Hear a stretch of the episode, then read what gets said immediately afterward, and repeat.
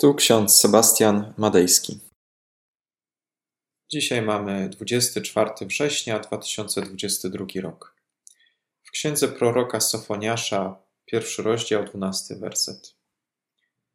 Będę karał mężów, którzy siedzą zdrętwieli nad mętnymi resztkami wina i mówią w sercu swoim: Nie uczyni Pan nic dobrego, ani też nic złego oraz objawienie świętego Jana, trzeci rozdział, wersety 17 i 18. Ponieważ mówisz, bogaty jestem i wzbogaciłem się i niczego nie potrzebuję, a nie wiesz, żeś pożałowania godzien, nędzarz i biedak, ślepy i goły. Radzę ci, abyś nabył u mnie złota w ogniu wypróbowanego, abyś się wzbogacił i abyś przyodział szaty białe, aby nie wystąpiła na jaw haniebna nagość Twoja oraz maści, by nią namaścić oczy Twoje, abyś przejrzał. Drodzy, Sofoniasz żył pod koniec istnienia Królestwa Judy, kiedy to król Jozjasz jeszcze chciał dokonać reform i uratować swój kraj od katastrofy. Sofoniasz pisze o dniu Bożego Sądu nad Królestwem następnie o sądzie nad innymi narodami, a ostatnia część jego księgi mówi o nadziei i o zbawieniu. Jerozolima za czasów Sofoniasza pogrążyła się w chaosie, bezładzie. Owszem, była bogata i opływała w luksusy. Mogli mówić tak jak członkowie tego zboru w Laodycei, ludzie mieszkający w Jerozolimie że niczego nie potrzebują, że wszystko mają pod dostatkiem, że mają pod dostatkiem pieniędzy i innych zasobów materialnych. Jednak wewnętrznie duchowo byli jak nędzarz, biedak, ślepy i goły. Taki właśnie duchowy stan diagnozuje apostoł Jan w objawieniu świętego Jana, zborowi w Laodycei, a także Sofoniarz w Jerozolimie za jego czasów. Bóg objawił Sofoniaszowi to, co było zakryte przed większością ówcześnie żyjących. Ogromna armia nadchodzi z daleka. Jeszcze jej nie widać, ale to ona zniszczy święte miasto. Sofoniarz zwraca się do tych, którzy szukają Boga. Jeśli będą pokutować, jeśli zechcą zmienić swoje życie i wyznają swoje grzechy, zostaną zbawieni. Królestwu Judy nie były obce intrygi polityczne prowadzone przez mniejsze państewka zależne od jednej z dwóch wrogich sobie potęg, albo od Egiptu, albo od Asyrii. Te potęgi wkrótce ustąpiły miejsca imperium babilońskiemu. W królestwie Judy zaznaczał się silny wpływ obcych praktyk religijnych, natomiast rządzący ludem kierowali się wyłącznie własną korzyścią.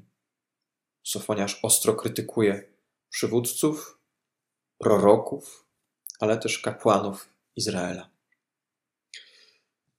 Bóg zapowiada przez proroka Sofoniasza, że zbierze wszystkie narody w jedno miejsce i wyleje żar swojego gniewu. W trzecim rozdziale, w ósmym wersecie Księgi Sofoniasza czytamy: W ogniu mojego uniesienia zostanie strawiona ta cała ziemia. Faktycznie sprawiedliwość Boża jest jak ogień, niszczy grzech całkowicie. Ogień w Piśmie Świętym jest symbolem oczyszczenia, zmiany myślenia, działaniem Ducha Świętego. Ci, którzy ocaleją, będą mieli zmienione patrzenie na świat. Mimo iż będą biedni, pozbawieni luksusów, bogactw, to jednak staną się pokorni i prawdomówni. W trzecim rozdziale Księgi Sofoniasza jest zawarta nadzieja dla narodów i dla Jerozolimy. Bóg zmieni Izrael. Przestaną postępować niesprawiedliwie. Nie będzie wśród nich zarozumiałych. Wszyscy będą szukali schronienia w imieniu Pana. Córka Syjonu, czyli Jerozolima, powinna się więc radować. Cała Jerozolima będzie tego dnia świętować i przestanie się bać. Bóg będzie wśród niej obecny, tak jak dawniej, i odnowi miłość do swojego ludu. Taką też obietnicą kończy się księga. Obietnicą świętowania, radości, chwały i zgromadzenia wszystkich razem, którzy zostali rozproszeni po świecie. Czego możemy nauczyć się od Sofoniasza? Przede wszystkim zaufania, że Bóg nadal działa. Być może używa jakichś katastrof, klęsk, abyśmy zrozumieli nasze błędy, zrozumieli nasze zaniedbania, nasze grzechy. Przede wszystkim powinniśmy patrzeć na siebie, na nasze postępowanie, na nasze grzechy.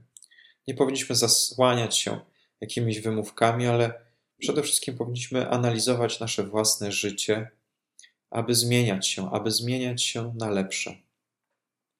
Często jesteśmy jak ci ludzie z księgi proroka Sofoniasza, siedzący nad kieliszkiem wina i narzekający.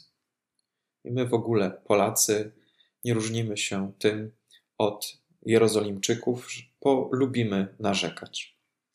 Jednak orędzie księgi Sofoniasza jest jasne i klarowne. Bóg działa i ocali swój lud. Być może będzie to zaledwie garstka sprawiedliwych, ale ich właśnie Bóg ocali i pozwoli im świętować w nowym Jeruzalem. Pomódlmy się. Drogi nasz Panie i Boże, prosimy Cię, spraw poprzez Ducha Twego Świętego, abyśmy otwarli nasze serca, nasze umysły na Twoje działanie, na Twoje słowo. Abyśmy nie byli podobni do tych, którzy siedzą w bogactwie i luksusach, którzy zadawalają się tylko i wyłącznie tymi rzeczami materialnymi, ale abyśmy przede wszystkim spoglądali na to, aby poszerzać granice Twojego królestwa. Aby nasze serce było Tobie podległe, Tobie poddane i abyśmy w Tobie upatrywali nadziei i zbawienia. Pomimo tego, że słyszymy o tak różnych klęskach, pomimo tego, że słyszymy o wojnie, o nieszczęściu ludzkim, to Panie spraw, abyśmy w Tobie odnajdywali pokój, abyśmy w Tobie odnajdywali zaufanie i życie wieczne. Tobie niech będzie cześć i chwała na wieki wieków. Amen. A pokój Boży, który przewyższa wszelki rozum, tak niechaj strzeże serc naszych i myśli naszych. W Panu naszym, Jezusie Chrystusie, ku żywotowi wiecznemu. Amen.